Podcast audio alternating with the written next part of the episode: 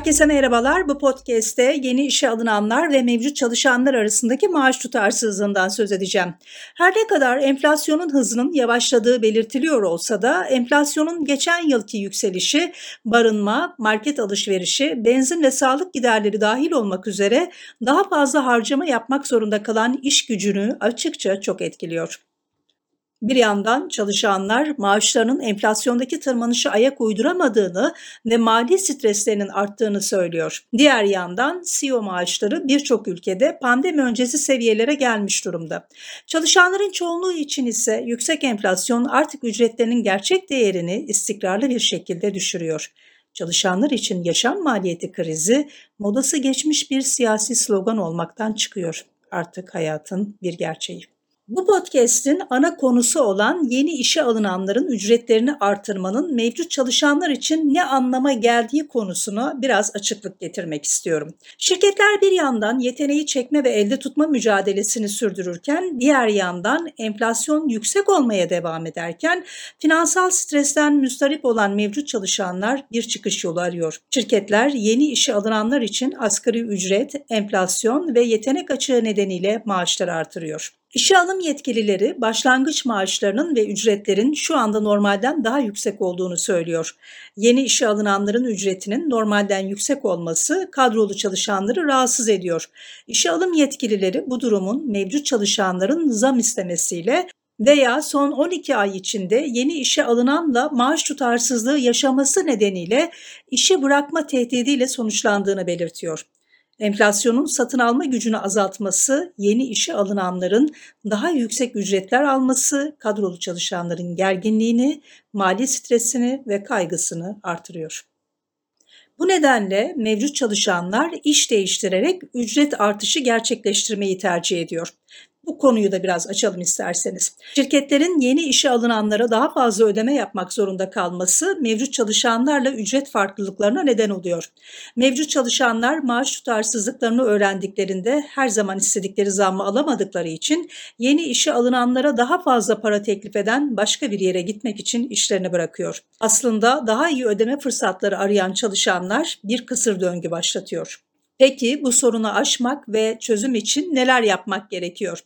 Yeni ve mevcut çalışanlar arasındaki göze batan tutarsızlıkları belirlemek için ücretlendirmeyi sık sık denetlemek gerekiyor. Her durumda maaş artışı yapılamayacak, her tutarsızlık düzeltilemeyecek olsa da en azından en kötü durumlarda açığı kapatma yoluna gidilebilir.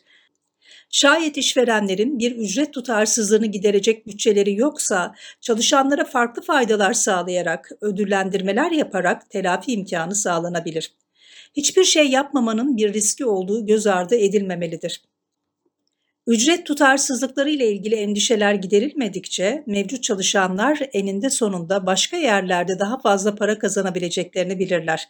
Son olarak şirketler riskli yaklaşımı yani beklemeyi benimseyebilir. İş piyasası şu anda hareketli ancak yaklaşmakta olan bir durgunluk maaş müzakerelerini işverenlerin lehine çevirebilir. Bu da ücret baskılarının azalmasına neden olabilir. Bir de işin verimlilik tarafı var tüm dünyanın üzerinde durduğu verimlilik ve üretkenlik. Peki verimliliğin enflasyon ve çözüm için bir önemi var mı? Verimlilik aslında gayet önemli. Neden? Çünkü bir iş gücü daha üretken olduğunda birim başına daha düşük maliyetle daha fazla mal ve hizmet üretiyor. Bu da fiyatlar üzerinde aşağı yönlü bir baskı oluşturuyor.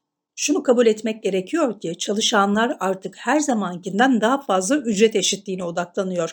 Mesele sadece ücret artışı da değil. Çalışanlar eşit işe eşit ücret talep ediyor. İşverenler ücretlendirme stratejilerini yeniden yapılandırırken veya yeni fırsatlar arayan çalışanları riske atarken bu ödeme şeffaflığını göz önünde bulundurmalı. Maaş artışı bütçelerindeki hızlı artış günümüzün değişken ekonomik ortamıyla birleştiğinde insan kaynakları profesyonelleri verilerden daha fazla yararlanmalı ve 2023 bütçesi önerilerini formüle ederken, CFO'larla müzakere ederken stratejik düşünmeli. Bir taraftan da güç dengesizliklerinin giderilmesi gerekiyor. Peki bunu nasıl yapacağız?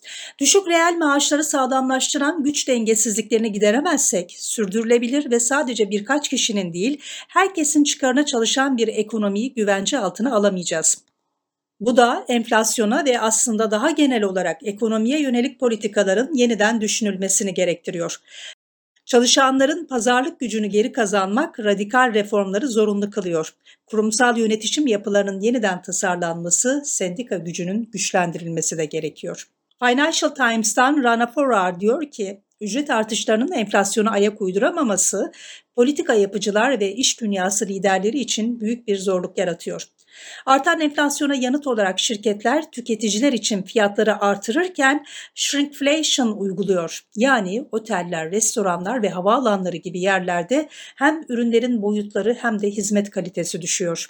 Ayrıca ücret enflasyonunu dengelemek için teknolojiye normalden daha yüksek oranlarda yatırım yapılıyor. Uluslararası Çalışma Örgütü'ne göre bu yıl yüksek gelirli ülkelerde verimlilik artışı ile reel ücret artışı arasında 1999'dan beri kaydedilen en büyük fark yaşanıyor. İnsanlar daha çok ve daha iyi çalışıyor. Ancak gelin görün ki çabalarından geçmişte olduğu kadar çok parasal fayda göremiyor. Bu bizi önemli bir gerçeğe ulaştırıyor. Mal ve hizmet enflasyonu sadece son birkaç yıldır yükseliyor. Ancak son birkaç on yılda varlık fiyatları da dahil olmak üzere diğer alanlarda bol miktarda enflasyon yaşadık. Para politikası her şeyde balonu körüklerken ve merkez bankacıları artık enflasyonu bastırmak zorundayken iş gücü piyasalarında gerçekten bozulan şeyi düzeltecek araçlarının olmaması acı bir ironi diyor Rana Forar.